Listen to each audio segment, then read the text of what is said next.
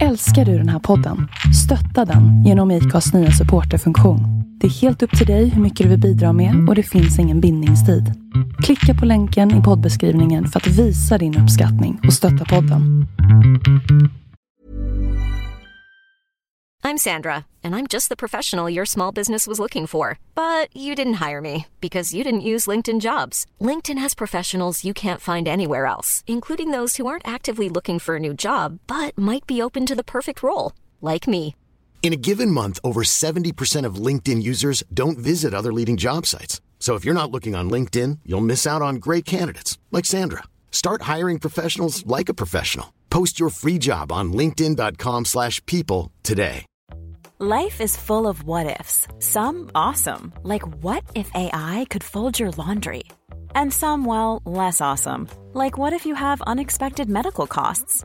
United Healthcare can help get you covered with Health Protector Guard fixed indemnity insurance plans. They supplement your primary plan to help you manage out of pocket costs. No deductibles, no enrollment periods, and especially no more what ifs. Visit uh1.com to find the Health Protector Guard plan for you.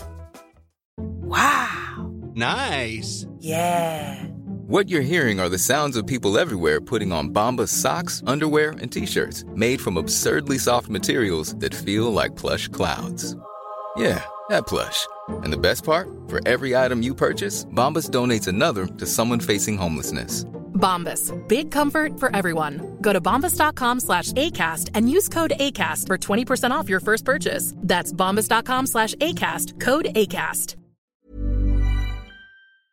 Hej, det är Melinda här. När jag och min man köpte vårt hus så ville vi självfallet skydda det mot inbrott, brand och vattenskador. Vi tog in offerter från lite olika larmbolag men valde därefter Säkra Larm. Vi gillade Säkra Larms koncept med att äga sitt larm och slippa de dyra abonnemangsavgifterna. Samtidigt som vi fick det smarta hemmet.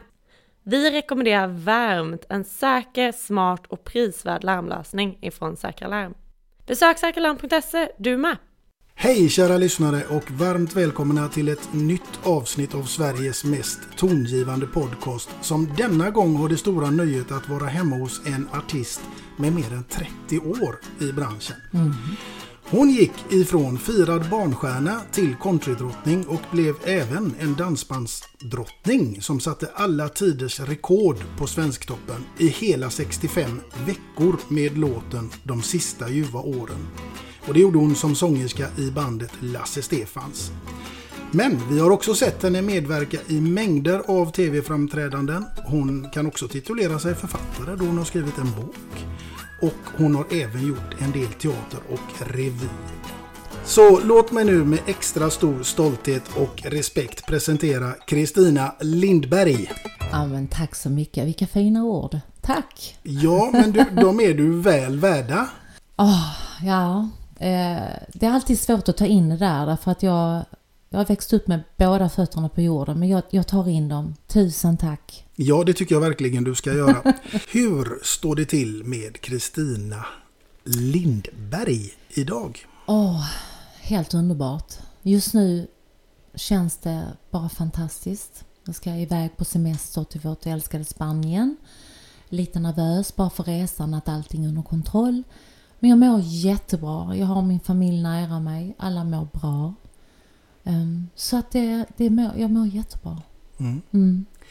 Då måste vi ju ändå komma in på det här att vi har levt i en tid och lever delvis eh, med covid-19. Mm. Hur har det påverkat dig både som människa och artist? Ja, det har ju varit så tufft. Ehm, jag var ju lite inne i den här känslan innan. Det här med att man skulle vara noga med vilka man träffar, allt det här i och med att min mamma var sjuk. Men det var ju otroligt svårt för att jag, jag, kan, jag har svårt för att leva utan att möta min publik. Eh, Och jag är van vid att turnera från och till hela tiden. Och vi bor ju på en hästgård och vi har inga grannar. Så att jag gick, i slut, nu i slutet så gick jag nästan omkring och pratat med djuren, med fåglarna. Bara för att ha någon att prata med. Eh, Jag måste säga att sociala medier har hjälpt mig igenom det här. Eh, Instagram. Eh, För att inte förglömma Lange Virestad, det måste jag säga. Jag jobbar, eh, jobbar. Jag älskar att jobba med dem. De har världens finaste klädesbutik med kläder. Så att vad jag har gjort är att jag har eh, tagit mycket bilder, jobbat lite grann som en eh, eh, vanlig modell, för jag kan ju inte säga att jag är någon modell precis med 1,60 lång, men, men jag har jobbat för den vanliga människan, vanliga kvinnor, och tagit mycket av mina bilder och jobbat med dem på sociala medier och så här. Och det har varit en räddning, för jag har liksom ändå mött folk och jag har liksom ändå haft en gedigen, eh, ett flöde hela tiden. Så att eh, det har varit wow, A och O. Men känslomässigt så har det varit jättejobbigt för jag har ju saknat att stå på scenen något otroligt mycket. Väldigt, mm. väldigt, väldigt, väldigt mycket. Och sen ekonomiskt har det varit jättetufft men det har vi, så tänker jag så här, det har vi alla haft. Jag eh, har bara ändrat lite. Äter lite annorlunda, tänker lite mera och skaffar lite mindre prylar. That's it. Och det är jättebra. Man ska inte, jag menar livet, bara jag har till räkningar och mat på bordet så är jag nöjd. Så att det, det har varit bra också det här. För mm. och, man tar inte allt för givet. Definitivt inte. Nej, det får man lära sig den ja, hårda vägen om inte ja, annat. det är sant. Vi ska få lite äran att känna dig lite bättre idag tänkte jag. Mm. Så eh, jag tänkte gå lite rakt här på saken ja. faktiskt. Ja. Jag läste någonstans Kristina att du har någon form av släkt med resandefolket. Mm, stämmer. Och där läste jag att det var till och med så att din pappa Hjalmar som skolbarn i Helsingborg blev kallad för zigenarpack och tattarunge mm. och fick en örfil mm. vid ett tillfälle av magistern som spräckte hans ena trumhinna. Ja, sant. Det är verkligen sant. Det var ju så att um, pappa och hela hans familj, de hade det jättefattigt. Och um, de kom ju till eh, Sverige någon gång på 1500-talet så att vi är ju så mycket svenskar som man kan bli. Och eh, jag brukar alltid undra över det för att pappa var ju blond och blåögd och alla var liksom ljusa. Jag har blivit mörk efter min mamma men eh, jag förstod ju sen att det är jätteviktigt för alla människor. Det är ungefär som man säger till en sam att han skulle vara från Finland och samma sak är det för, för oss eller för mig att vi är utav resandefolket, vi är um, en helt annan grupp än vad zigenare är. Jag tycker inget fel med zigenare. Jag känner många och de är jättetrevliga men, men det är viktigt att poängtera att det är jättestor skillnad mm. och vi har inte uh, samma ursprung så att säga. Eh, det fick jag lära mig tidigt faktiskt. Min farmor berättade mycket om det och, och att vi har ett eget eh, språk som heter rotepar. Ehm, en del av de här yngre nu säger romani men det kanske de säger bara för att de blandar ihop det lite och så. Men det heter rotepar och jag skulle nästan vilja säga att eh, det är inte många som finns kvar längre utav det släktet. Men många utav dem var ju väldigt duktiga på att sjunga, skådespeleri. Jag har många bekanta i branschen som jag kan nämna namn på. En del kan jag inte göra det men eh, jag har Danne Stråhed som är en väldigt känd artist här i Skåne som är också resande och jag vet att eh, Sven-Ingvars, ehm, frontfiguren där, han är också det och Kalle Julabo var det och det är många andra som har det i sig och det är jätteroligt. Just det här med musik och, och uppträda och, och underhålla. Mm. Det finns liksom i blodet. Många hade cirkus, tält och åkte runt med det och sådär. Um, mina förfäder höll på mycket med hästar. Uh, och sen sålde de mycket på marknader och så. Mm. Mm. Nu är ju du i musikbranschen och har varit i en väldig massa år. Mm. Och den här podden den handlar ju till stor del om musik men inte allt. Nej. Men jag måste i alla fall fråga dig, vad mm. är ditt absolut första låtminne som du kan härleda till från tidig ålder? Jag har två. Så jag måste nästan ta bägge, men jag kan ta det lite snabbt här. Den första är en låt som min pappa skrev till min mamma när jag föddes. Jag har ju hört den sedan jag var spädbarn. Mm. Och den heter Vid flodens strand.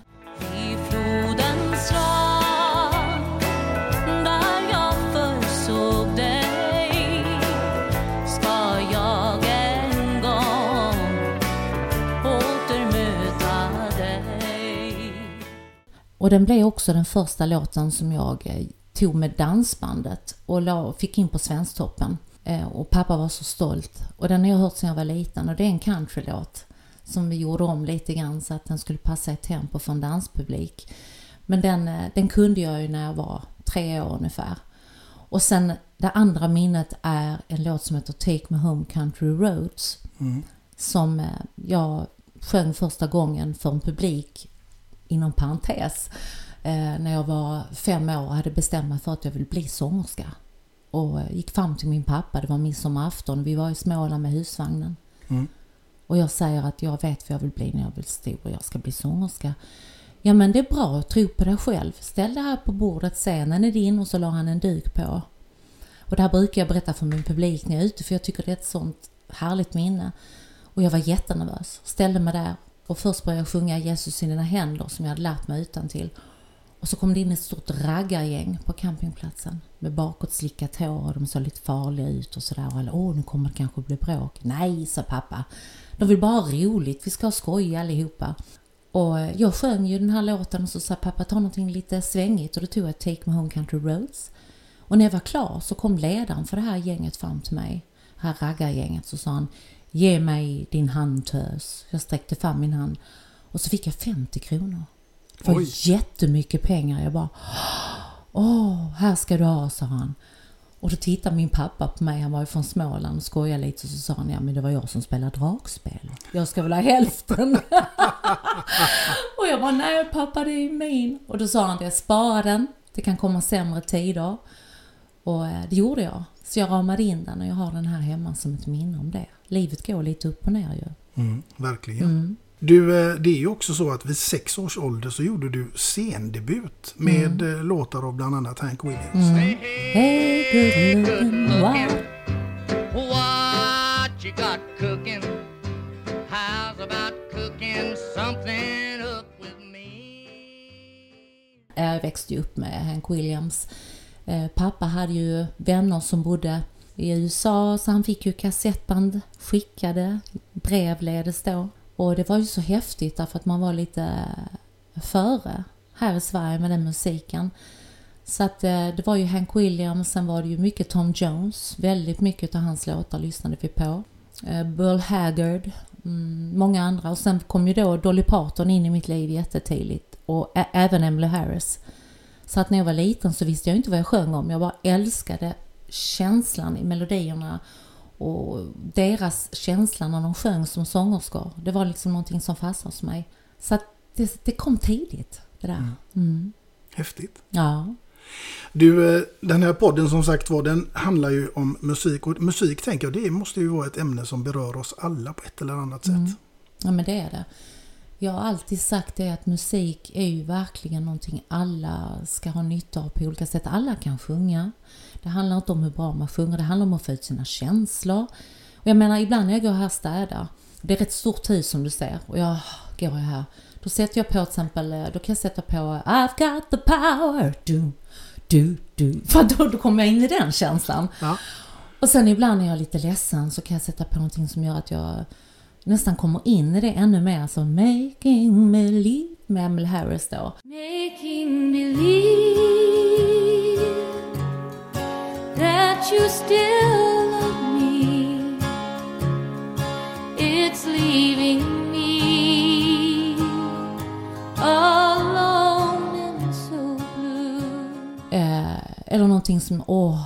Och sen är jag glad, då är det liksom något, för musik finns i alla former och det väcker känslor i oss. Hjälper till att få fram våra känslor. Vilket är jättebra tycker jag. Ja, verkligen. Du, när kom musiken in i ditt liv på allvar?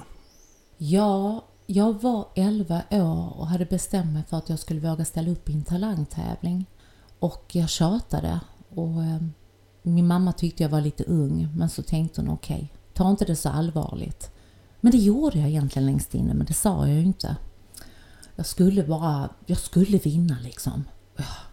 Och jag sa till alla att jag brydde mig inte men det gjorde jag. Och det var ju 70 ungdomar som tävlade här i Skåne.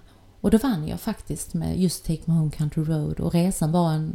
Ja, första priset var en resa till Stockholm och vi hade precis bott där för jag har flyttat hela mitt liv. Men bara tanken på att jag skulle få flyga ett flygplan, det hade jag aldrig gjort innan.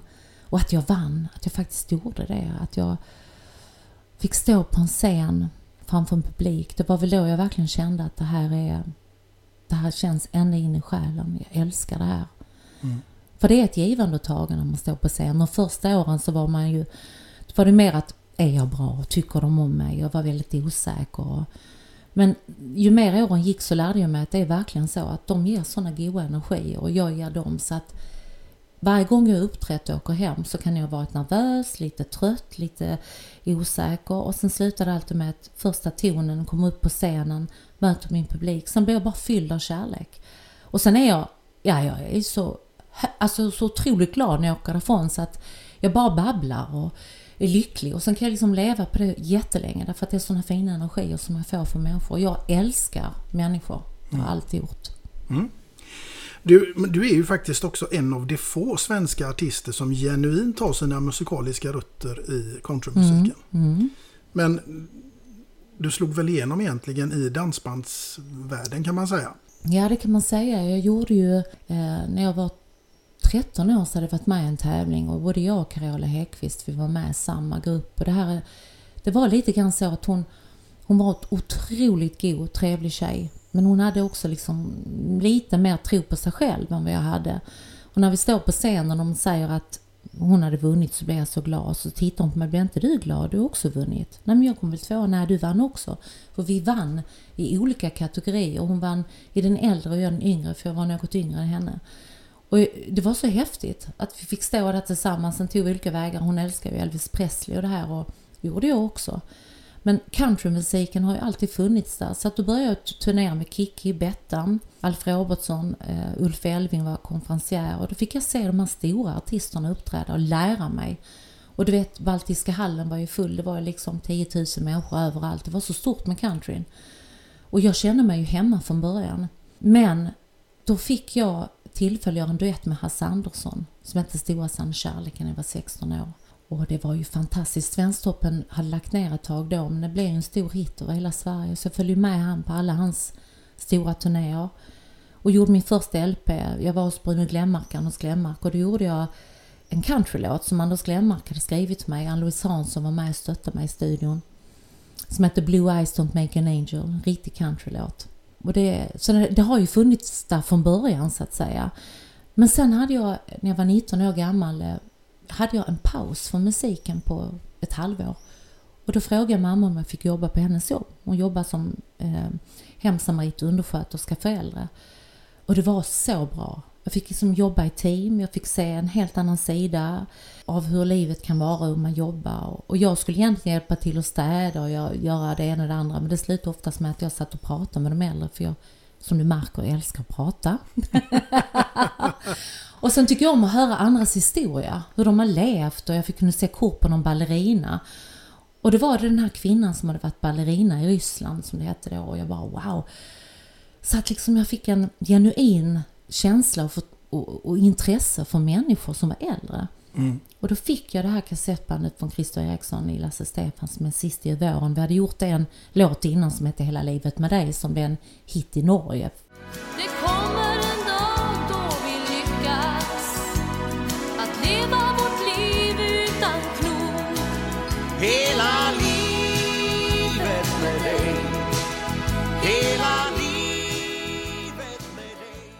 Och jag bara kände, vilken bra text.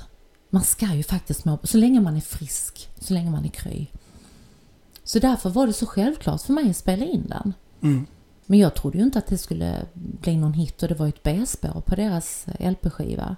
Så att när jag fick samtal någon månad senare så trodde jag att det var min styvfar som alltid skämtade med mig som ringde och skojade. För då sa han så här, hej det här är Kent Finell, jag vill säga grattis till andra platsen på Svensktoppen. Och jag, ja men sluta nu Lennart, du ska alltid skoja med mig, ha ha ha. Ja men det här är Kent Finell och du är i direktsändning. så det är också sånt där härligt minne. Åh, vilken otrolig känsla att det jag tyckte om, det tyckte min publik också om. Mm. Så jag är evigt tacksam till eh, Christer Eriksson Lastefans för att han hade sett mig på en countryfestival i, i, da, eh, nej, inte i Danmark, det var i Malmö och fastnat för min röst. Mm. Så att det var därför han ville jag skulle vara med och sjunga. Så det är jag tacksam för. Mm. Ja, men du den här framgången den hade ju också ett högt pris. Mm. För bakom alla succéerna så hotade ju två mörka moln. Mm. Det ena var ju en ständig rädsla för att din bakgrund skulle komma fram. Och den andra eh, var väl också lite granna om en sjukdom som du hade. Mm. Som var ätstörning. Mm. Ja, det började ju väldigt tidigt. Jag började ju, ska man väl säga, banta när jag var sju, åtta år. Och det var det att jag skulle inte äta mer än frukt efter sex på kvällen. Och det var mycket så, för jag var väldigt rultig och jag kunde äta oavbrutet. Jag har alltid älskat mat. Jag älskar att laga mat och baka. Och jag kan ju inte göra det längre, för så fort jag bakar så äter jag upp allting själv. Men jo, det var så. I och med att jag började i branschen så tidigt så omedvetet eh, satte jag krav på mig själv. Jag hade en bra familj, det var ingen som satte krav på mig eller sa till mig att jag inte dög. Men jag, jag tittade på mina kollegor, jag tittade på de som var äldre, jag tyckte de var så vackra. Och så tänkte jag, börjar jag titta fel på mig själv och hitta fel? Och, och eh, det blev ju inte bättre av att jag flyttade hemifrån när jag var 16 år och skaffade en lägenhet. För att det gick väldigt bra för mig så jag hade ju råd. Jag var inte jätterik men jag hade till, till eh, hyran och lite mat. Och då ville jag bo själv. Och då var det ju lätt att äta allt man kunde och sen så gick man upp och kräktes igen. Det heter ju bulimi. Mm. Och det är ju mycket, mycket farligare än vad man tror för att det, det gjorde när jag hade hållit på i så väldigt många år för det här fortsatte ju i perioder. Så att ibland kunde jag vara fri från det ett tag men när jag var ute på turné så var det ju så. Det var lättmjukost och det var knäckebröd. Hela tiden tänkte jag på vad jag åt. Men eh, det förstör ju det inre. Magen, magsäcken och det kan påverka hjärtat. Och, så att jag hade ju vänner som mådde väldigt dåligt. Jag har en god vän som var modell som tyvärr gick bort. Och sen när jag var 34 år så, så såg ju min man detta på ett bra sätt och tog upp det. Att Kristina, jag vet vad du gör när du går på toaletten och allt det här. Och då förnekade jag det. Vad säger du? Det gör inte jag. Du vet så. Mm.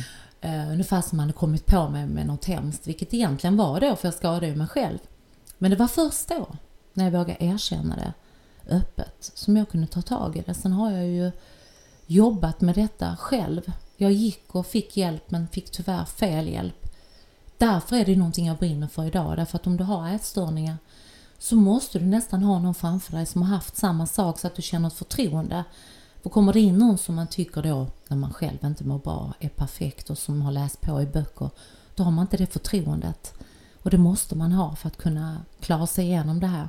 Just jag brinner jättemycket för det. Jag älskar att föreläsa om det. Jag åker ut och gör det på ett roligt sätt med mycket musik, sång, men tar in detta så att det landar hos både kvinnor och män, för att det är faktiskt män som har det också. Mm. Mm. Ja, och, och den här samhällets arena som vi lever i idag, den, den, där får vi ju ständigt en massa budskap på hur vi ska se ut och vara och allt. Ja, det är värre än någonsin. Eh, när jag var ung så att säga. Ja, det är jag fortfarande, nej. Men då var det ju så att man, eh, man hade inte samma sätt som det är idag. Jag har ju sett mina döttrar framförallt och även kollegor och även mig själv. Att det ska vara filter och det ska vara så. Och man kan till och med gå in och ändra sin egen näsa. Mm.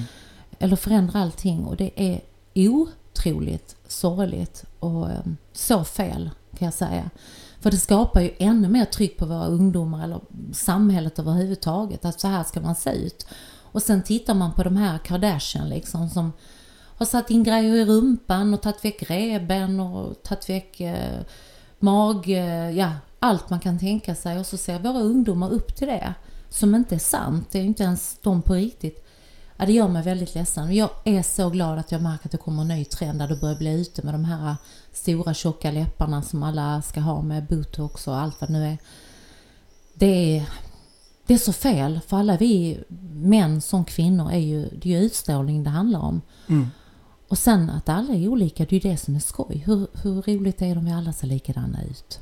Det är ju personligheten och allt det här som gör en till den man är, eller hur? Absolut. Så det där är någonting jag, jag brinner för jättemycket. Mm. Mm. Vad är ditt absolut allra bästa råd du kan ge till eh, de som nu sitter och lyssnar och Mm. kanske eventuellt känner igen sig eller känner igen någon annan? Mm. Om det handlar om ätstörningar och så, så absolut bästa det är att man, att man vågar erkänna det, framförallt för sig själv först. Och sen när man är där så kanske man har någon god vän. ehm, förälder eller syster eller bästa vän. Någon som man kan prata med om. Så att man kommer den vägen, att man har vågat ta det steget. Och sen behöver man oftast ännu mer hjälp. Och det som jag säger, jag, jag, jag säger det här nu att är det någon som vill så får de jättegärna kontakta mig. Därför att jag har eh, verktygen eh, och jag hjälper jättegärna till. För att jag, kan jag hjälpa någon så gör jag det. Mer än gärna. Mm. Man behöver det, man behöver stöd. Och det är inte så lätt, det är så svårt för sådana som inte har gått igenom detta och så, de förstår ju inte det. Nej men det är ju bara att sluta äta. Ja men det är väl, varför gör du Men det är, det är tyvärr inte så enkelt. Det Nej. sitter liksom, det sitter uppe i psyket och det är många som opererar sig. Gör en sån här bay, vad heter det, de opererar magen, eh, ja. Jag har även släktingar som har gjort det. Men problemet försvinner ju inte för att det sitter ju i din själ, alltså psyket och det är det du måste få väck. Att hitta dig själv och tro på dig själv på ett helt annat sätt. Och det är en lång procedur och det är som jag säger, om man har varit alkoholist så blir man nykter alkoholist. Jag säger att jag är nykter matmissbrukare därför att jag kan få återfall. Jag får tänka till. När jag har det extra svårt eller jag är väldigt nervös så kommer jag ihåg och jag måste tänka på det för annars kommer jag lätt in i det där igen. Så man blir aldrig riktigt, man kan inte bli helt frisk ifrån det. Man blir det men det finns där. Man måste liksom ha lite koll på sig Mm. själv ibland. Mm. Ja, det är ett bra och gott och fint råd utav dig att de kan kontakta dig. Absolut, absolut. Du, vi ska hålla oss kvar i ämnet mat Ja. faktiskt. Ja. Men, men vi ska göra det på eh, ett annat sätt. Mm. Det är nämligen så att nu ska vi leka lite med din fantasi. Mm. Så att eh, du ska få välja ut en middagsgäst, precis vem som helst. Död eller levande. Det är bara fantasin som sätter Mm. gränserna. Jag vill veta, vem hade det blivit? Vad hade ni ätit? Vad hade ni druckit? Och vilken låt hade fått ligga där i bakgrunden till den här middagen? Oj, och det är så många jag skulle egentligen vilja träffa på olika sätt. Jag menar, jag skulle vilja träffa Dalai Lama. Han verkar vara så genuint äkta. Mm. Men samtidigt, om jag då får gå till min nyfikenhet så hade jag nu velat haft Dolly Parton här i mitt kök. Och då hade vi pratat om ehm, kärleken, livet, hur det är att vara kvinna i branschen. Jag hade haft så mycket frågor till henne. Hon är en av de intelligentaste människor jag vet. Även om hon verkar plastisk så är hon precis tvärtom. Det vet jag. Jag skulle vilja spela massa härliga countrylåtar och höra vad hon tyckte om dem. Självklart skulle jag vilja spela någonting av henne men det tror jag hon tyckte var jobbigt. Tumble out of bed and I stumble to the kitchen. Pour myself a cup of ambition and yawn and stretch and try to come to life. Jump in the shower and the blood starts pumping. Out on the streets, the traffic starts jumping with folks like me on the job from nine to five. Och sen hade jag bjudit på, jag tror hon gillar kött, jag tror inte hon är vegetarian. Jag vet att hon haft ätstörningar också. Och att hon är väldigt smal nu och allt det här. Men när hon var ung så var hon lite mera lagom på alla sätt. Och jag skulle nog göra fläsk med löksås till henne. Någon svensk sån här god middag och höra vad hon tycker. Eller köttbullar med stuvade makaroner. Men jag älskar ju fläsk med löksås själv så det har jag säkert gjort. Ja, det är vansinnigt gott Ja, faktiskt. det är så gott med gräddsås. Ja, verkligen. Ja. Det är vi och våran generation. Den nya generationen, de, Nej. de är inte där. Nej, det ska vara sushi eller så ska det vara eh, japansk mat eller eh, raw food. Eh, eller olika mm, vego-varianter, vilket jag tycker är bra. Det tycker jag, jag har en syster som är vegetarian och hon har lärt mig hur mycket som helst. Hon lurade mig när hon var nere nu och gjorde köttbullar. Och jag tyckte de var så goda och det var vegetariska. Och jag bara va? Så att jag menar, det är jättebra. Allting utvecklas. Ja, absolut. Du fick ju till uppdrag att välja ut två stycken låtar till idag. Var det svårt? Ja, det var jättesvårt. Jag tänkte nej, det kommer inte vara svårt. Men det var det ju, därför att när jag började tänka efter så finns det en hel del låtar som har satt sina spår i mig. Men om jag ska välja någonting då som jag känner verkligen satte spår mig så är det ju Take Me Home Country Road. Jag vet att den är uttjatad, jag vet att den har kanske till och med spelas mycket på karaoke och sådär. Men jag kör den faktiskt live fortfarande på, min, e- på mitt eget sätt och min publik vill ha den nu.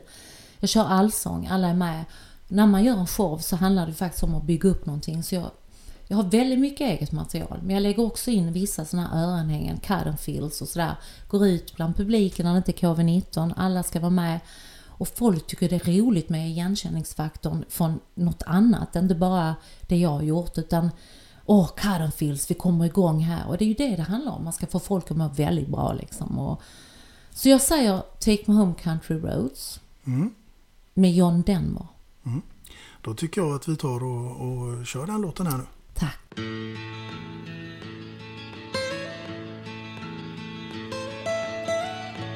almost heaven.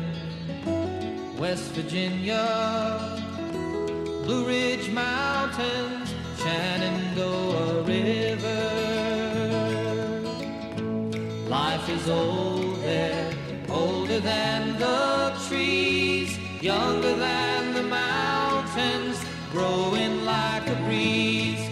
Country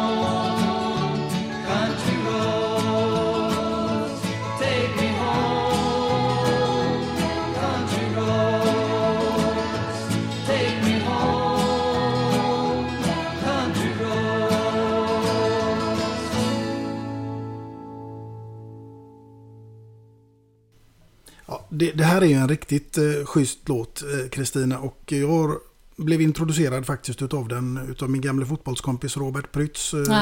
Han älskar den också. Så att, men du, jag måste fråga dig, Mm. hur skulle det låta om du tog några ackord och spelade? Almost heaven, West Virginia, Blue Ridge Mountain, Shenandoah River. Life is so there, older than the trees, younger than the mountains, broken like the breeze. Country roads take me home to the place I belong, West Virginia. Now, Mountain Mama, take me home. Country roads, ja något sånt där. Nu har inte jag sjungit upp mig så. Åh. Fantastiskt bra. Ja. Jag lägger gitarren här åt sidan. Vi har en rolig historia sen jag kan dra för det också. Men det tar vi lite längre fram. Det är också en, en låt som jag funderade mycket på. Jag hade ju en styvfar som eh, jobbade mycket med Cornelis Vreeswijk. Jaha. Och eh, ibland när vi bodde i Norsborg så följde han med Lennart hem när de haft en spelning. Lennart han spelar bongotrummor. Och eh, när de satt i köket och jag var väl typ åtta år, då satt jag och lyssnade på vad de sjöng. Jag, Mm. låts, jag låtsades att jag sov. Och då var det en låt han alltid drog. Och varje gång han hade tagit den låten så började alla jättemycket skratta. Haha. Och jag visste inte vad låten handlade om. Men jag lärde mig den utan till. Och sen i klassrummet skulle alla berätta någonting roligt. Och jag var ny i klassen som vanligt för vi flyttade var tredje år. Och en tog Bäba Vita Lamm och Pippi Långstrump. Tänkte nu ska jag ta någonting så att jag blev populär här liksom. Så att det blev bra för mig. Så då körde jag den låten. Och när jag var klar så blev det alldeles tyst och någon skrattade. Och sen åkte jag in till rektorn. Och så ringde de hem till mina föräldrar och sa vad är detta? Och min styvfar bara, men det har du lyssnat på för du kan ju inte sjunga den. Ja men ni tycker ju alltid att den är så rolig. Ja men det där, den är inte rumsren. Då var det ändå. Och sen lärde jag mig den hårda vägen att man måste tänka på vad man sjunger när man är så liten framförallt. Ska jag ta lite på den? Ja, gör det. Det var en gång en lastbilschaufför på väg från Norrland. Han skulle till Hör, men när han kom till Västerås stod där en nunna och liftade gnos. Han tänkte att nunnor är jämt religiösa. De är inte alls amorösa. Men ändå så bromsade han in sin bil och nunnan bad att få lift ett par mil. Han började prata om sex och sängar och frågade nunnan om hon hade några pengar. För kunde hon inte betala för skjutsen, då fick hon stiga av mitt landsvägssmutsen. Jag har inga pengar. Hon pekar på kroppen, sen börjar hon ta sig på hela kroppen. Du kan få en naturaförmån, men den måste nog ske bakifrån. När chauffören tagit en nunnan bjöd Han fortsatte färden, både svettig och röd. Han sa, du var skön att hålla i famn Var ska du kliva av, kan du säga ditt namn? Du kan släppa av mig i nästa stad Sade nunnan, jag är bjuden på maskerad. För jag är inte alls någon riktig nunna. Nej, jag är karl och heter Gunnar.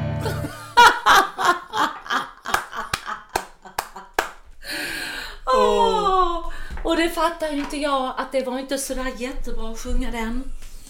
Så att eh, det är ett roligt minne. Ja, nu, nu, är det, är det ett roligt minne. Ja, det vet man vem man ska ringa när man ska ha fest. Ja, Ja, du, eh, jag är lite nyfiken på när, när känner du att du egentligen blev Kristina Lindberg med hela svenska folket?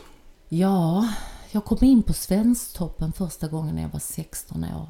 Och jag kommer ihåg att jag, jag var så nervös. Och det var en låt som heter Kom snart tillbaks som en, eh, en man som heter Jan-Erik eh, Karlsson hade skrivit. Han hade även gjort en Jag vill vara din Margareta till Sten och Stanley. Men det här var mer en ballad. Och jag tänkte det kommer aldrig gå. Och då sprang jag in och duschade. och så fick mamma komma och banka på dörren. Du kom in! Du kom in! Och då kom jag in på Svensktoppen. Och liksom fick mera komma ut bland folk ännu mer. Och, så redan där började jag ju känna liksom den känslan. Men det är klart att det absolut största känslan var ju när vi stod i Kristianstad på torget och vi skulle slå det här svensktoppsrekordet och eh, Kent Finell stod där och vi hade räknat med att det skulle komma kanske ett par tusen människor. Och du vet, det var ju så mycket folk så att vi fick bygga upp scenen, jag och eh, Monica som jobbar med Lasse Stefans. Vi åkte iväg och skaffade fler balar för att sätta upp, bygga upp scenen för vi var tvungna att höja den. För det var ju över 10 000 människor liksom. Och, eh, och så slog vi rekordet och jag hade lovat att dansa med alla och jag kommer ihåg att eh, jag tror att Olle skulle bada i, i fontänen och sen var det någon av tvillingarna som skulle äta upp sin hatt och de hade gjort en chokladhatt och ja, det var en massa olika så här. Men den känslan när jag står där uppe och alla sjunger med och detta, det är obeskrivligt. Mm. Och då kände jag väl, oj, oj, oj, oj, oj. Tänk, jag tror jag kommer få hålla på med det här som jag älskar mest av allt. Ett bra tag i mitt liv. Och det var det jag var tacksam för. För att än idag när jag är ute och sjunger så tar jag alltid Sista i våren och det är en del som har frågat mig om jag tröttnar på den. Men det är omöjligt. Jag var senast förra veckan och gjorde mitt första, min första spelning efter, pan, eller i pandemin nu när det börjar bli lite bättre. Och då körde jag Sista i våren. Det gör jag alltid som en, en, en allsång. Och den äran jag har att se farmor, farfar, mamma, pappa, småbarn, alla tillsammans sjunger med. Det går ju inte att beskriva. Det har ju blivit lite kult över låten och att det var just jag som fick sjunga den. Det är en ära. Så jag, jag tröttnar aldrig, aldrig. Så låt de sista ljuva åren bli de bästa i vårt liv. Den lycka som vi känner Låt den stanna livet ut och när jag kommer fram till dagen Då mitt hjärta slutar slå Då ska du tänka på de stunder Som var vackrast i vårt liv Nej, för det är ju verkligen en kultlåt. Ja. Det är det ju. Mm. Nej, det, är, det går inte att beskriva den känslan när alla är med och man sjunger. Det, det, det, för det är ju det det handlar om. Att alla vi tillsammans gör någonting. För jag tror mycket på det här med energier du vet och positivitet. Jag tror väldigt mycket på det och jag känner ju den känslan från publiken. Och nu sist, jag, ja, jag började ju gråta efteråt för att jag har saknat det så mycket. Och när alla står upp och vi sjunger tillsammans och så, så kunde jag inte hålla tillbaks tårarna utan det blev och jag lät det komma för det är så skönt. att Bara känna vad man känner. Alla var glada. Därför att vi har ju saknat varandra, alla vi människor. Det är ju inte över. Jag vet att det är en, liten, det är en lång väg fortfarande. Men jag känner ännu mer en tacksamhet. Um, och hur mycket jag... Jag skulle inte kunna leva om inte det fanns andra människor. Det är alla vi tillsammans som gör livet värt att leva liksom. Mm. Den här De sista ljuva åren blev ju faktiskt år 2003 framröstad som århundradets låt. Det är stort. Ja, det är jättestort. Jag eh, kan inte beskriva det. Jag tycker det, varit så, det finns ju så otroligt många bra låtar som är gjorda. Så att det var ju än en gång bara en ära. Mm. Någonting man kan ta med sig. Men det är ju inte bara den du är känd för utan du har ju faktiskt haft 12 låtar totalt på Svensktoppen. Mm, mm. Ja, det har jag. Ehm, Jag skrev en av mina egna låtar en kväll när grabbarna skulle ut. Vi var lediga två dagar så de gick ut och käkade och jag satt kvar i bussen med Kalle som satt och spelade, eh, gjorde korsord. Och då kom Cherry O till mig så då skrev jag den låten. Den kommer oftast till mig och så skrev jag den på en halvtimme och det blev ju faktiskt en väldigt bra hit. Så att den låg ju länge på Svensktoppen och den älskar folk när jag kör. Och det är alltid kul med eget material. Så jag skriver ju de flesta texterna själv och även musiken. Jag har gjort en, gjorde en duett nu som jag gör med Lasse Sigfridsson från Lasse Stefans då och eh, Livets många skeenden. Och den kom också till mig. Den skrev jag också väldigt snabbt. Den, tycker väldigt mycket, den säger mycket textmässigt och sådär. Och eh, jag tycker texter är viktiga också. Det beror helt och hållet på vad det är för någonting och vilken känsla man vill ha fram. Men texter är viktigt och jag älskar svenska språket. Jag tycker det There's never been a faster or easier way to start your weight loss journey than with PlushCare. PlushCare accepts most insurance plans and gives you online access to board-certified physicians who can prescribe FDA-approved weight loss medications like Wigovi and Zepbound for those who qualify. Take charge of your health and speak with a board-certified physician about a weight loss plan that's right for you.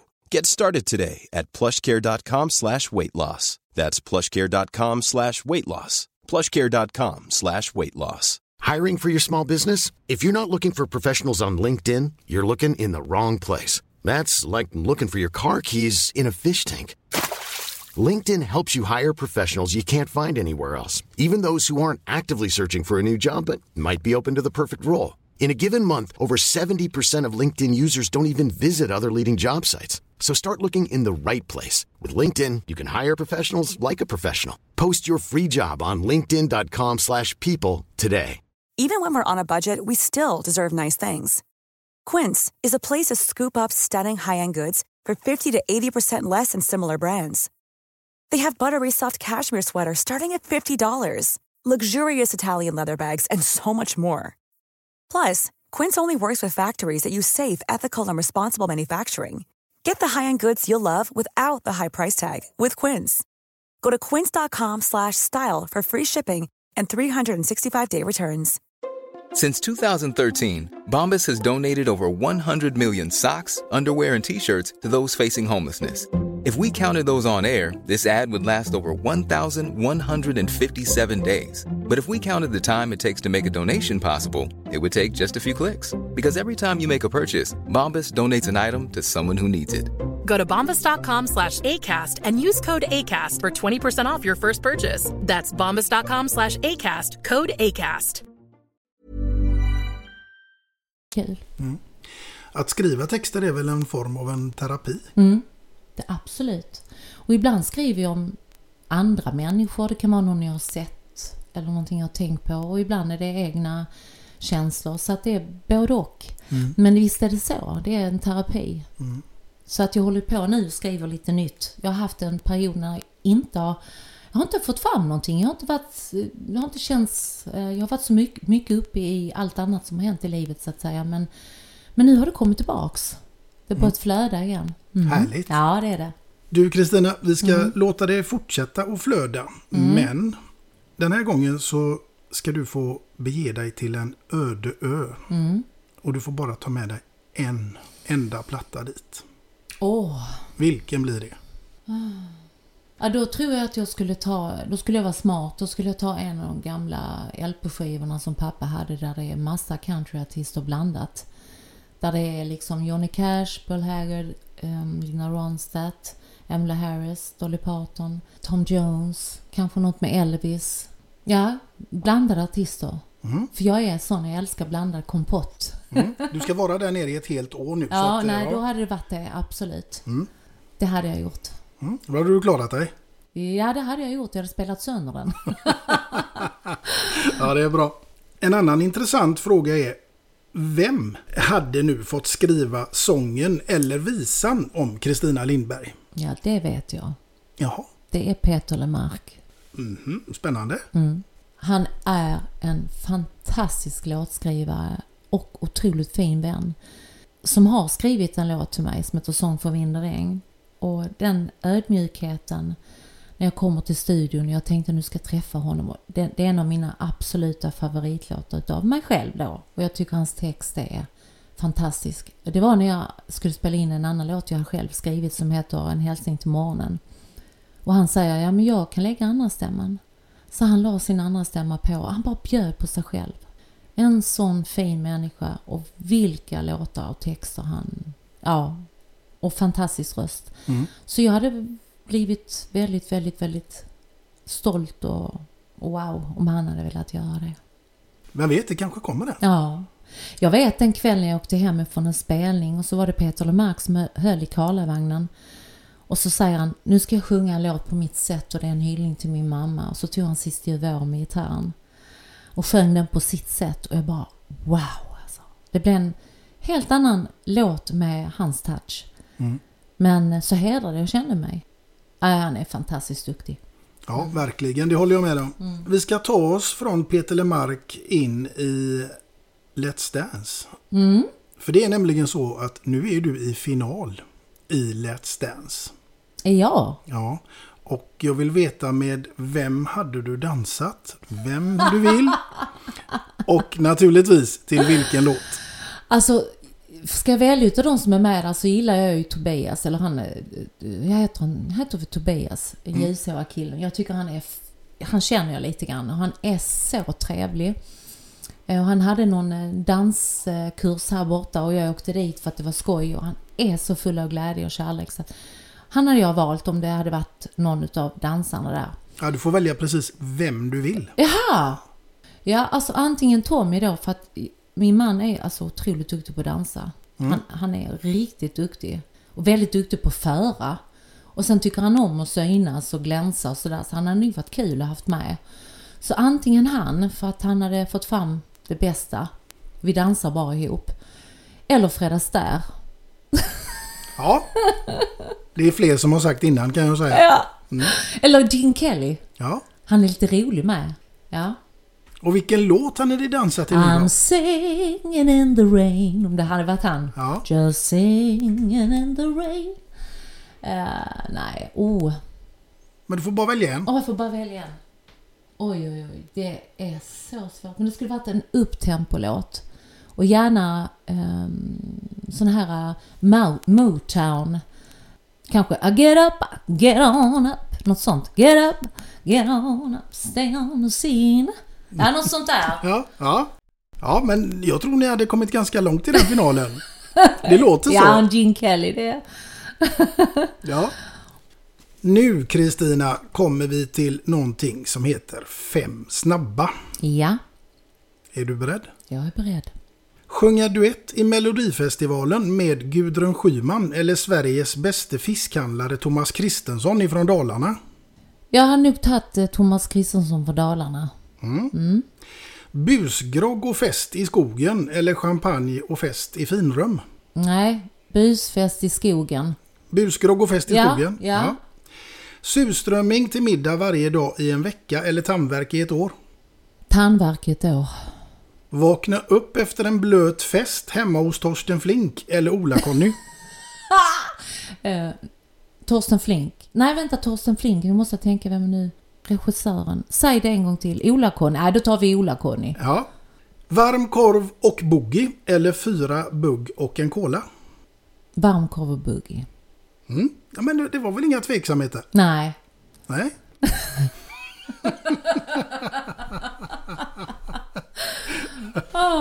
Ja, ja det, det är lite spännande frågor. Ja, men det är det. Och det är lite roligt. För Ja. att eh, det är, blir lite annat. Och det är skoj. Ja, man Ja. får göra lite roligt också. Mm.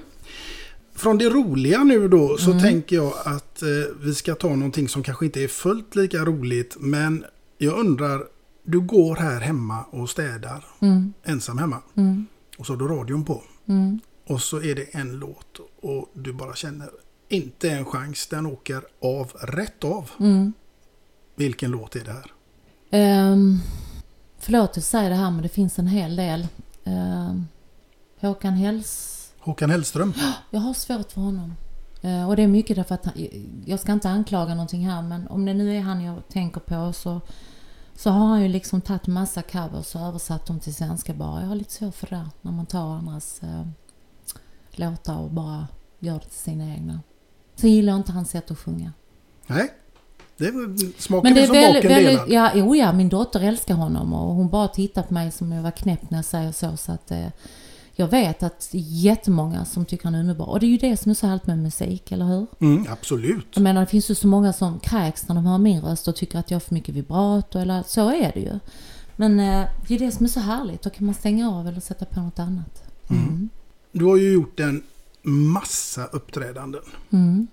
Vilket är ditt bästa uppträdande? Eller som du minns mest? Åh. Eh, det där är svårt för att jag måste säga att det är så många tillfällen när man har känt den här känslan när det är livepublik och mycket folk. Så det är svårt. Jättesvårt. Men jag har ett minne utav eh, en föreställning jag gjorde, eh, inte föreställningar, jag sjöng en låt i TV. Och då var Tina Turner där. Och jag fick eh, förmånen att sitta och prata med henne bakom scenen. Och eh, då kommer jag ihåg att den känslan var kvar. När jag gick upp och sjöng, jag och Hasse skulle göra en duett, det var 100-årsjubileum på Gröna Lund eller något sånt. Och då var det en sån magisk känsla.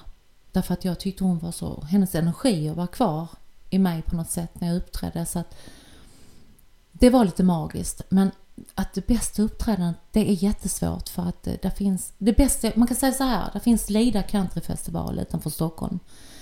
Ett minne jag har det är minst 10 000 människor, strålande sol och jag är mitt inne i showen och det är bara sånt ös och så går strömmen och jag bara kände vad ska jag göra? Och då, bara, då var jag inne i den här kärlekskänslan så jag och Tryggve, min gitarrist, gick fram och satte oss på scenkanten.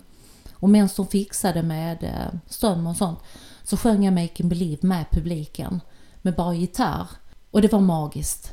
Det var faktiskt magiskt därför att de som var där jag älskar ju countrymusik och så, så de flesta kunde ju låten.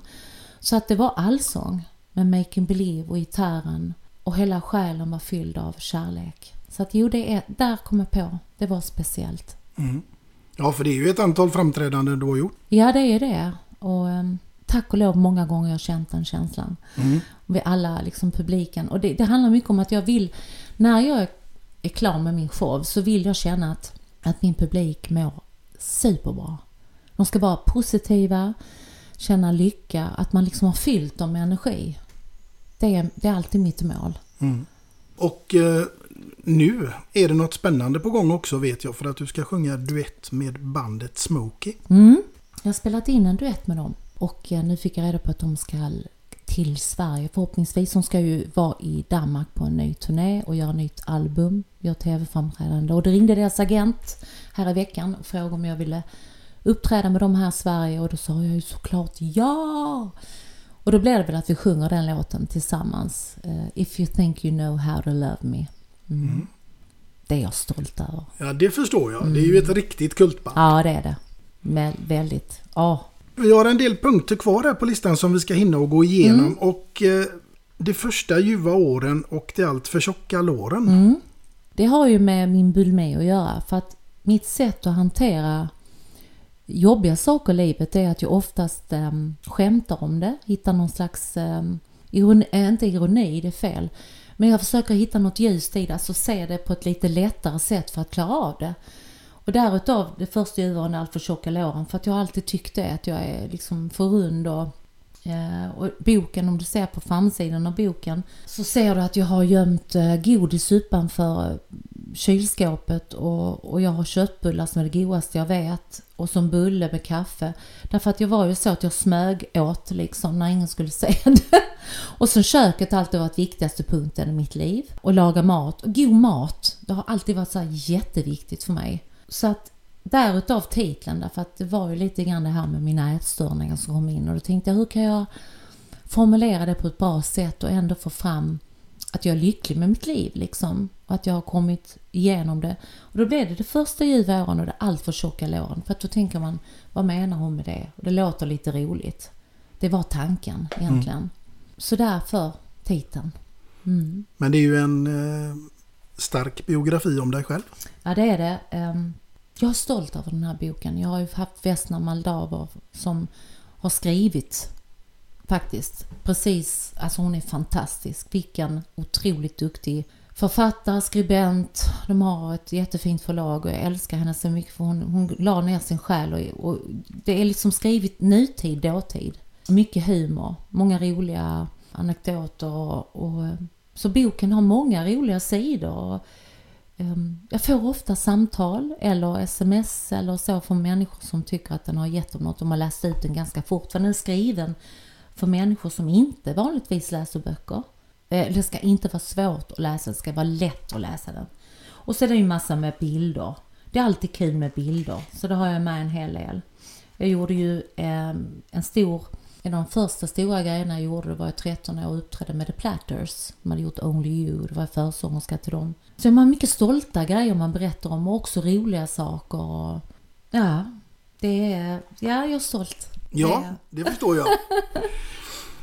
Allt på tal om det här med framträdanden som vi var inne på. Det var ju också så att, eller det är så att du är ju en av dem som har medverkat flest gånger i Bingolotto. Om Mm. inte flest gånger. Mm. Jag har haft turen att de har liksom hört av sig och jag vet ju att Loket tycker väldigt mycket om min musik och jag är så tacksam för det. Så att det har ju varit helt rätt för publik för mig under alla år och nu tycker jag det är roligt att se att det har fått ett uppsving igen, att andra artister inom alla kategorier kommer dit. Det är, det är Bingolotto värt för det är ett härligt folkligt program liksom. Det är Mm. det verkligen.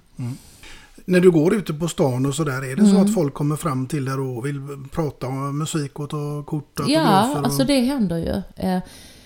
Jag tänker inte så mycket på det. Jag var ju så ung när jag började sjunga och sådär så att när folk tittar och så, så ser jag nästan inte det. Men mina barn gjorde ju mycket det när vi växte upp att mamma varför tittar de eller sådär va. Men sen har de också vant sig och Tommy likadant. Jag tycker bara det är mysigt. Alltså jag har en fantastisk publik. Jag tillhör ju den här sista generationen som har en sån här gedigen mysig publik. Jag, de är så goa. Alltså, de kommer fram och ibland är det att de vill prata om, och det, det tar jag som en eh, eloge, att de kommer fram och vill prata om allt möjligt med mig, att de ser mig som en vän. Att de kommer fram och säger hej, åh vad roligt, du jag såg det där och det säger så mycket om hur de ser på mig och det är det jag vill. Mm. Vi liksom är vänner på något sätt och nej, glädje faktiskt. Mm. Mm. Det är härligt. Ja, det är det.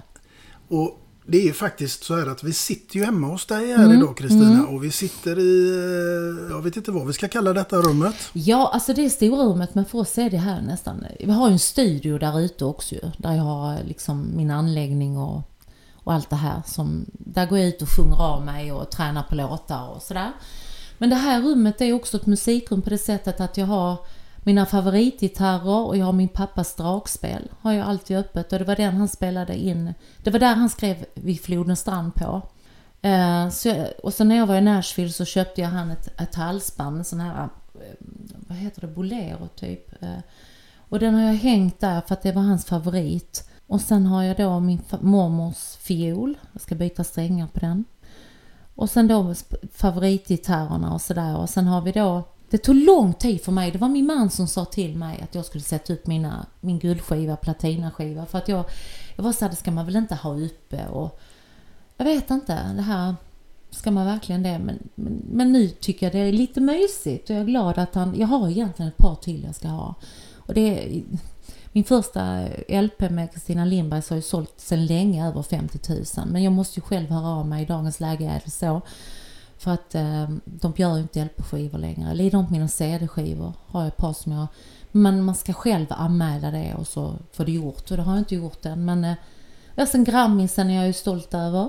Och sen har jag min kära familj och lite sånt där. Och Tommy när vi var i Thailand och sen hans... Eh, hans eh, amulett som han eh, har hjälpt honom mycket. Och det är hans tro på buddhism och så. så att, har vi det uppsatt och sen är det en salig blandning alltså. Det, det här är ett rum för alla och längst uppe där har vi gosedjur när barnbarnen kommer och ja, det är som det är här. Det är mycket hjärta i detta hemmet. ja, det är det. Det kanske inte är kliniskt rent och det kanske inte är perfekt men det är mycket kärlek här ja. Ja, Man ska känna sig verkligen. hemma. Mm. Det var helt fantastiskt att åka hit idag genom Mm. den här allén man Mm. kör igenom här borta. Så det här borta, det står Kristina Lindbergs väg. Jajamän. Det, jag har inte det längst ut för det har jag trott att tänk, tänker folk, ja, men oj vad egotrippad hon är. Så är det ju inte utan min man köpte det i bröllopsgåva till mig. Och så satte jag den längst ner här så man måste köra ner på vår väg först så det känns lite mera jordnära. så att det är liksom bara en gåva till mig. Det är lite kul. Ja, verkligen. Ja, men det är en helt fantastisk idyll. Ja det är det och vi hade ju fem hästar här ett tag. Ehm, Men sen kom livet ifatt och det var massa saker som hände ju. Så att nu har vi hästarna, grannarnas hästar där uppe och ja, min, mina vänner rakt över här har ett stuteri med hästar så där. Så att jag har det nära omkring mig. Ja. Och så katt och hund och håll på att säga hembryggt äppelvin som Alf Robertson sjöng men... Ja, det är magiskt. ja. Du, eh, den hårda vägen Mm. tänker jag, och då tänker jag på din man Tommy. Mm. Där har vi en som har fått eh, känna verkligen den hårda vägen. Eh, jag fick ju läst en hel del Mm. innan jag kom hit om hans hjärntumör. Mm. Ja, oj, oj, oj, oj. Ja, det, det, det går inte att beskriva. Det har varit en tuff resa. Jag märkte ju av detta 2019. Eh, på våren när jag hade varit på turné och kom hem och tyckte att Tommy var inte så lik för han har alltid haft lite humör och väldigt så här öppen och pratar med folk och han var väldigt sluten och han det var ingenting som stämde, jag bara kände att något var fel. Så jag började ringa hans mamma, jag pratade med hans syster, någonting är fel, någonting är fel. Och sen skulle han åka till Spanien, vilket han alltid gör varje år med vår son, före mig för att jag turnerar. Och sen åker jag ner och har allsång i Spanien. Så han åkte i slutet av maj och jag hade en spelning. Tack och lov var spelningen klar. Då ringer min son och säger att hon, han känner inte igen honom. Han beter sig konstigt, han kör vingligt med, med bilen, jag vågar inte åka med honom mer. Och nu kände, då kände jag att någonting är verkligen fel. Och så ringer jag upp honom på Facetime. Och det här, det här, det här var dagen innan jag skulle uppträda. Då ringer jag upp honom på Facetime och då märker jag att han ser ut som han hade fått en stroke eller... Så jag sa, har, du tagit en drink mitt på dagen eller? Nej, jag bara ligger här tänkte jag. Så då ringde jag vår vän som eh, jobbar där nere. Så han åkte och hämtade honom. Sa bara ta upp honom på sjukhuset.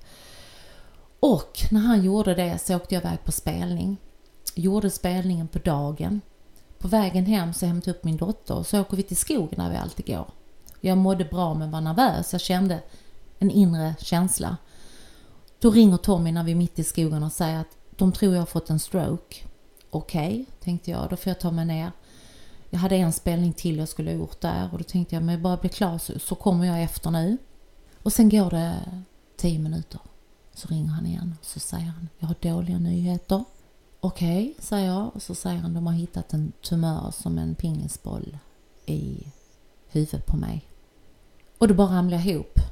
Så jag kommer bara ihåg att min dotter står där och jag fick fullständigt, jag fick en, eh, jag, jag, jag kommer inte ihåg. Jag bara låg, jag var helt hysterisk. Jag var tvungen att vara lugn, jag lur mot Tommy.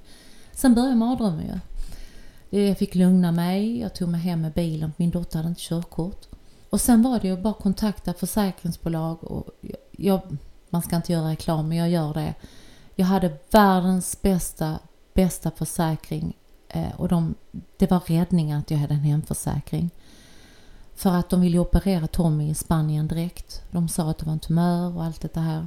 Men jag hade ju då en sån fantastisk tur så eh, de på eh, Folksam där de eh, hade en läkare som kontaktade dem i Spanien, tittade på plåtarna och sa nej, han ska hem nu med en gång. Och han kunde inte flyga vanligt flyg utan det var en specialflyg som skulle hämta honom.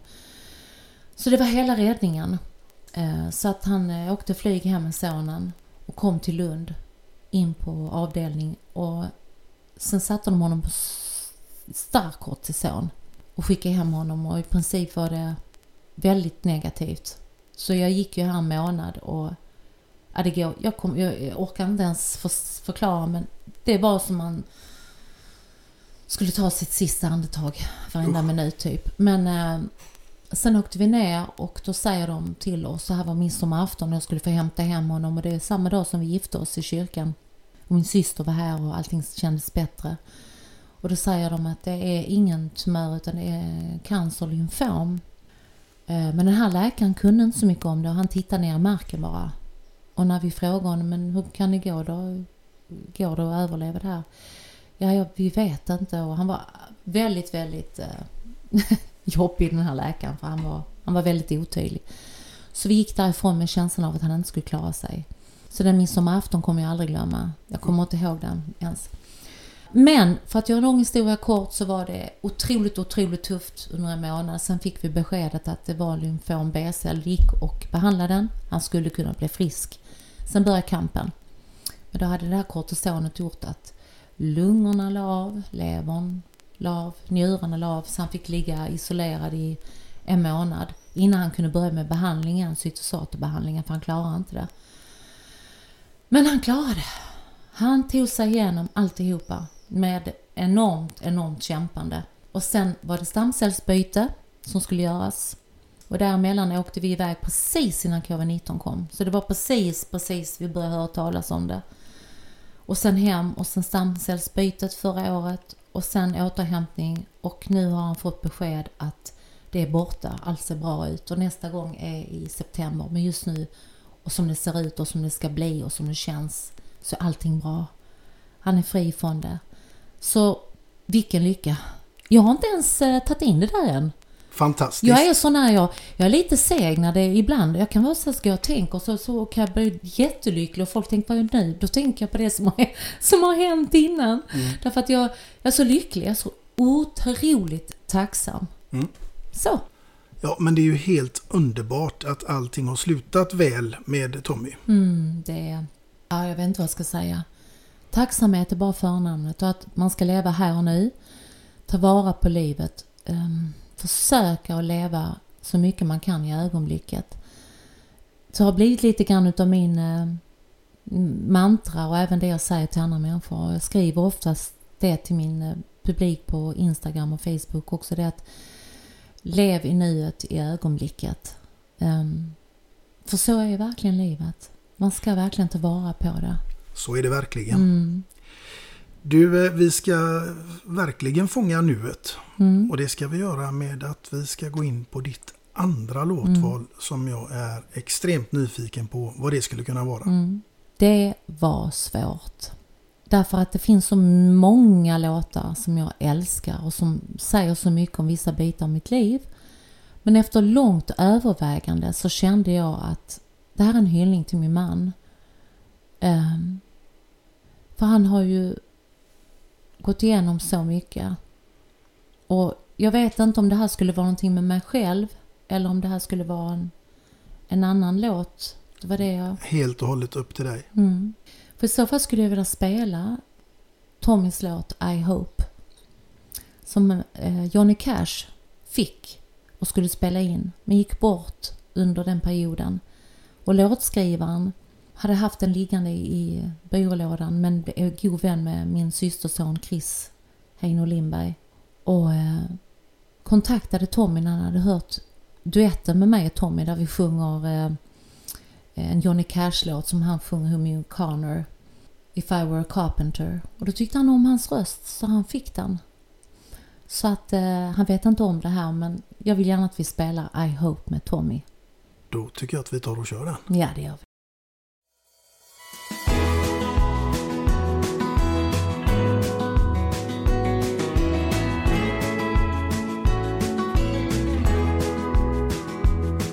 I hope they say of me he was an honest man. I hope they of me, yes, he was an honest man. For I have tried to seek the truth and speak the truth. I have found. I just hope that's what they say when they lay me in the ground. I hope they say of me he was a friend of mine, and I hope they say of me. You know he loved her a long, long time. For I have tried to keep my heart, even if I was afraid. I just hope that's what they say when they lay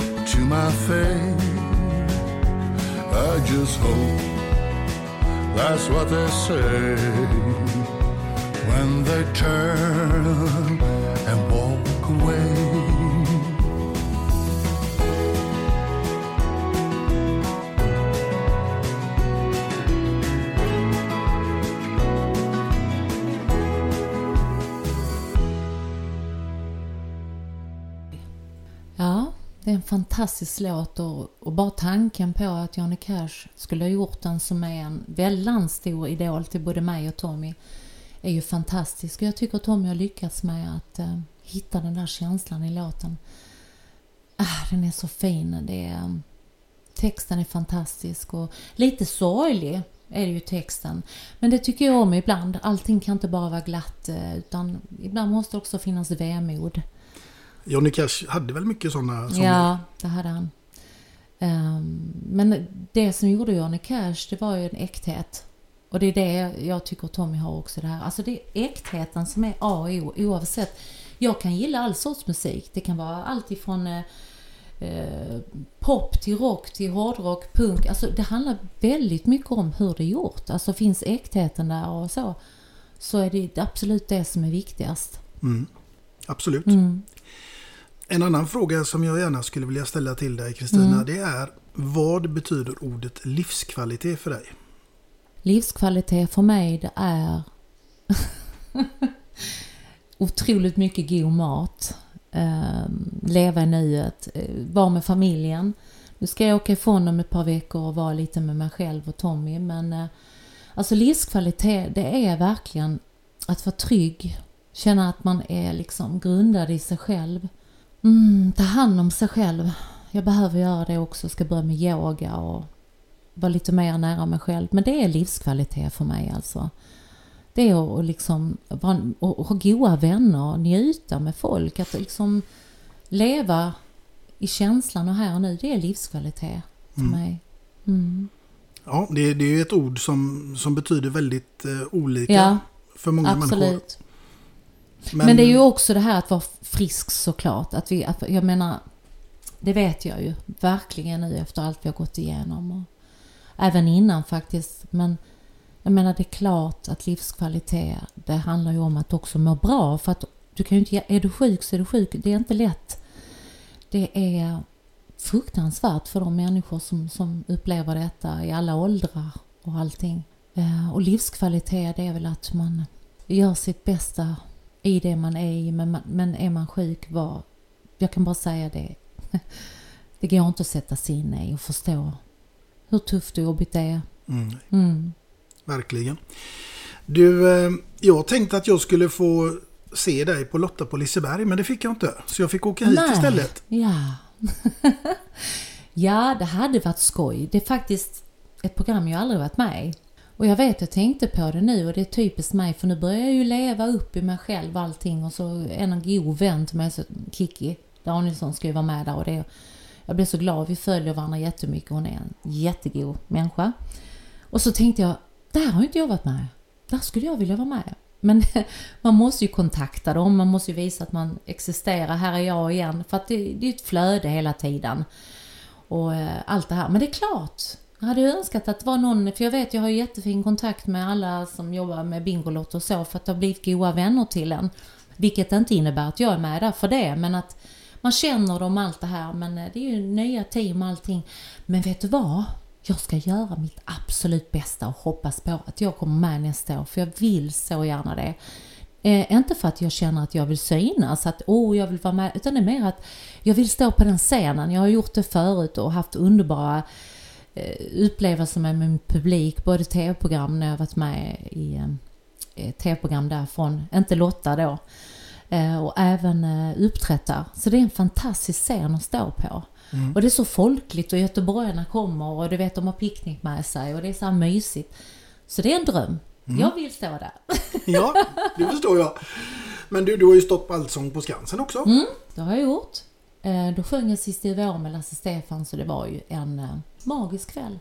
Solen sken, Lorraine var där kommer jag ihåg. Och, eh, jag tror att, jo Lotta var också där då. Och Charlotte Perrelli. Lotta var inte med den kvällen, men Charlotte Perrelli var det ja. Och träffa alla de här tjejerna man känt hela livet, det är alltid mysigt. Man träffar ju dem när man var ung liksom. Och goa underbara människor. Det är så mysigt att stå på de här scenerna för det är så mycket Sverige. Jag tror det är det jag gillar med. Mm. Alltså just det här genuina. För det är faktiskt en svensk företeelse, mycket det här med allsång.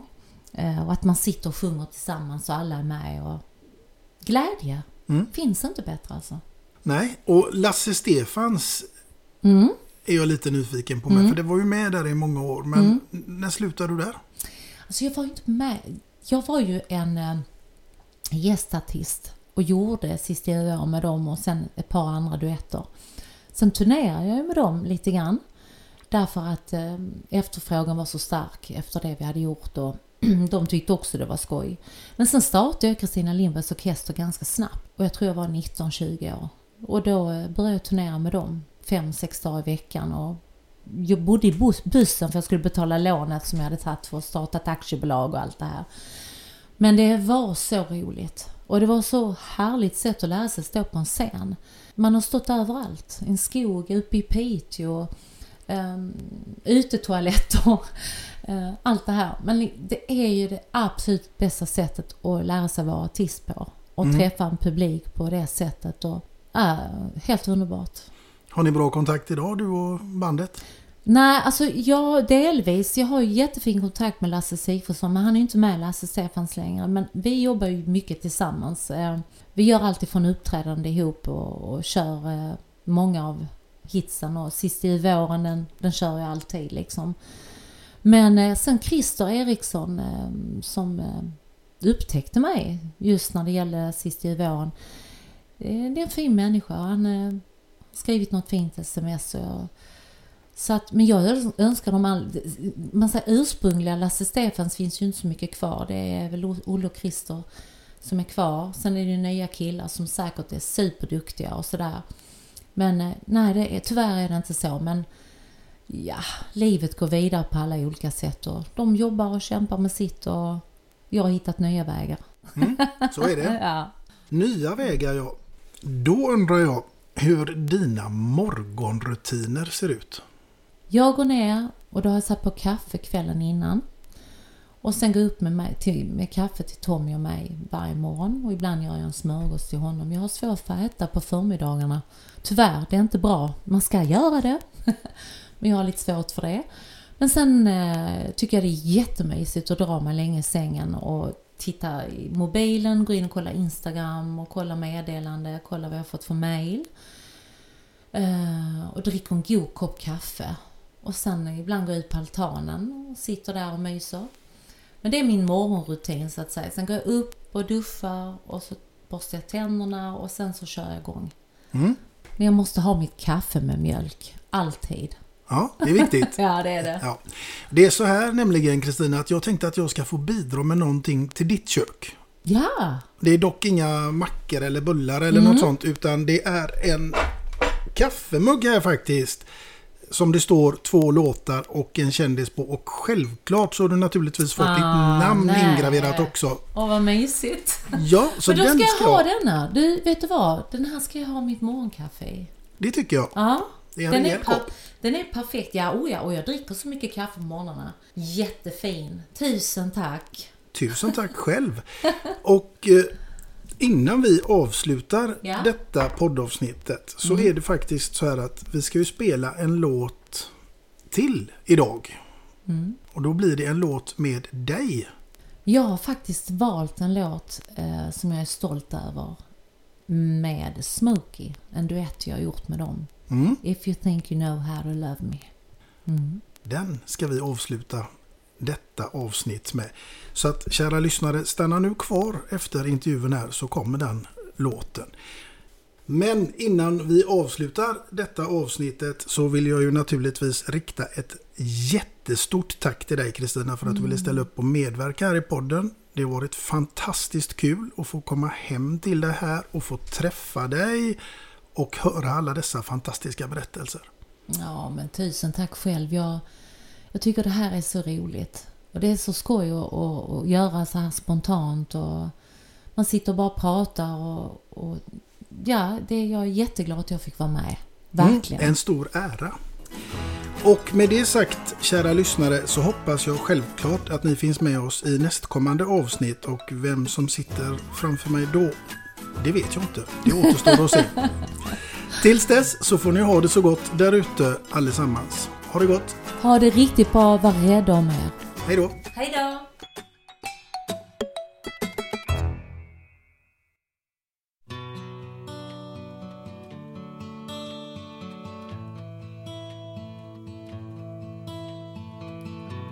A breathless drive in a downtown street.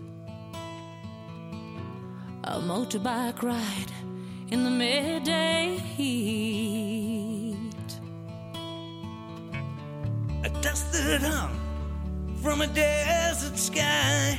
Run though we'd run, it still burned our eyes. Oh, yes, we may walk on the wild, wild side of life. And your movements traced by stranger close by your side. And in the shadow of a promise, you can take my hand. Show me the way to understand.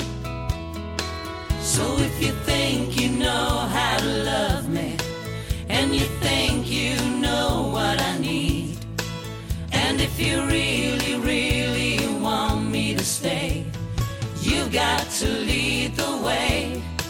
Yes, if you think you know how to love me, and you think you can stand by me, and if you really, really want me to stay, you got to lead the way.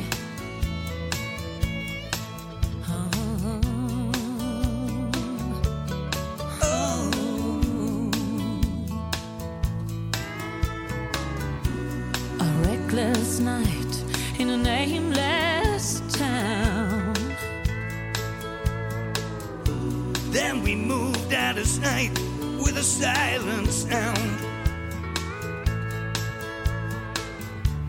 A beach that waits with deserted waves. That's where we slept. Know we'd be safe. Yeah, now you may think you can walk on the wild, wild side with me. But there's a lot I can learn a lot I have yet to see. Now you've got my life lying in your hands. It's up to you to make me understand. So if you think you know how to love me, and you think you know what I need, and if you really, really got to lead the way.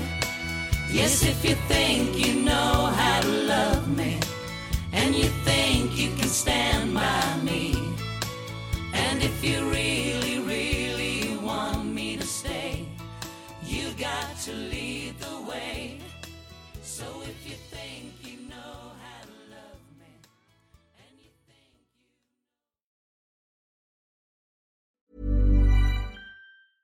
Even when we're on a budget, we still deserve nice things.